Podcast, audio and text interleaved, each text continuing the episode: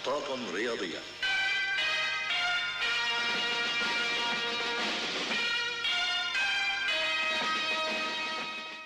مرحبا أهلا وسهلا فيكم بمحطات رياضية. رجعنا لكم مع المونديال.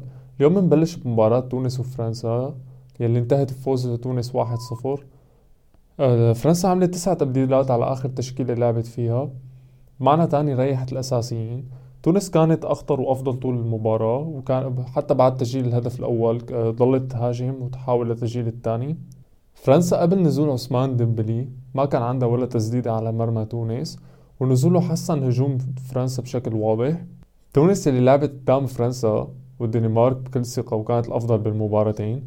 استسهلت مباراة استراليا وهذا السبب الرئيسي بخسارتها. وأبرز حدث صار بالمباراة نزول مشجع تونس على أرض الملعب وهو رافع علم فلسطين. ما راح أقول hard luck لتونس لأنه طلعت من المونديال مرفوعة الرأس بدي أرفع له القبعة. ننتقل للمباراة الثانية بين الدنمارك وأستراليا. المباراة اللي انتهت بفوز أستراليا 1-0 المباراة كانت متكافئة الفرص وما شفنا فريق أحسن من الثاني.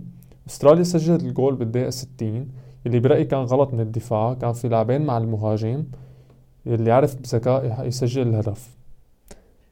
المباراة كانت ممكن تطلع بالتعادل لولا استهتار لاعيبة الدنمارك وبهيك رسميا تتأهل استراليا لدور ال 16 ننتقل للمباراة الثالثة بين السعودية والمكسيك المباراة انتهت فوز المكسيك 2-1 المنتخب السعودي ما كان حاضر بهالمباراة وقدم أسوأ أداء له بدور المجموعات أما المكسيك كانت اللي تفوقت واستحوذت معظم المباراة. الشوط الأول كان الفريق السعودي متماسك أما بالشوط الثاني كان آه، غايب ذهنيا وشفنا انهيار بدني. آه، أكيد خسارة بولندا أثرت عليهم بعد ما كانوا الطرف الأفضل طول المباراة. كنا بنتمنى تأهل الأخضر السعودي بعد الأداء البطولي اللي قدمه بأول مباراتين. أه لو ضلت النتيجة 2-0 كانت المكسيك تعادلت بالنقط وفرق الأهداف مع بولندا وبهيك نتيجة ما بعرف شو كان صار ننتقل للمباراة الأخيرة بين الأرجنتين وبولندا. المباراة اللي انتهت بفوز الأرجنتين 2-0 الأرجنتين كانت الطرف الأقوى طول المباراة من ناحية الاستحواذ وعدد الفرص. كانت المباراة من طرف واحد.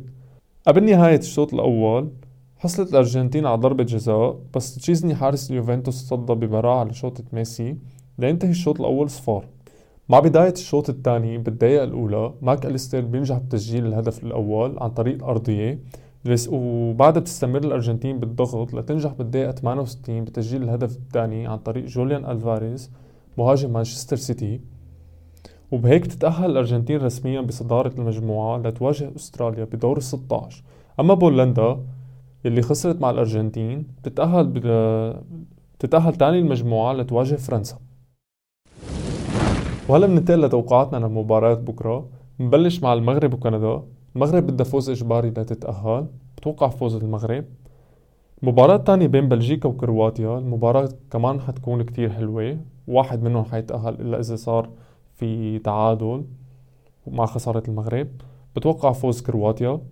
مباراة الثالثة بين ألمانيا وكوستاريكا. بتوقع فوز ألمانيا إلا إذا صار في معجزة فازت كوستاريكا أو تعادلت. المباراة الأخيرة حتكون بين إسبانيا واليابان. بتوقع هاي المباراة تكون أجمل مباراة لمباريات بكرة. بتوقع فوز إسبانيا. بتوقع فوز إسبانيا. شكرا كتير لكم ما تنسوا ال like وال share وال subscribe peace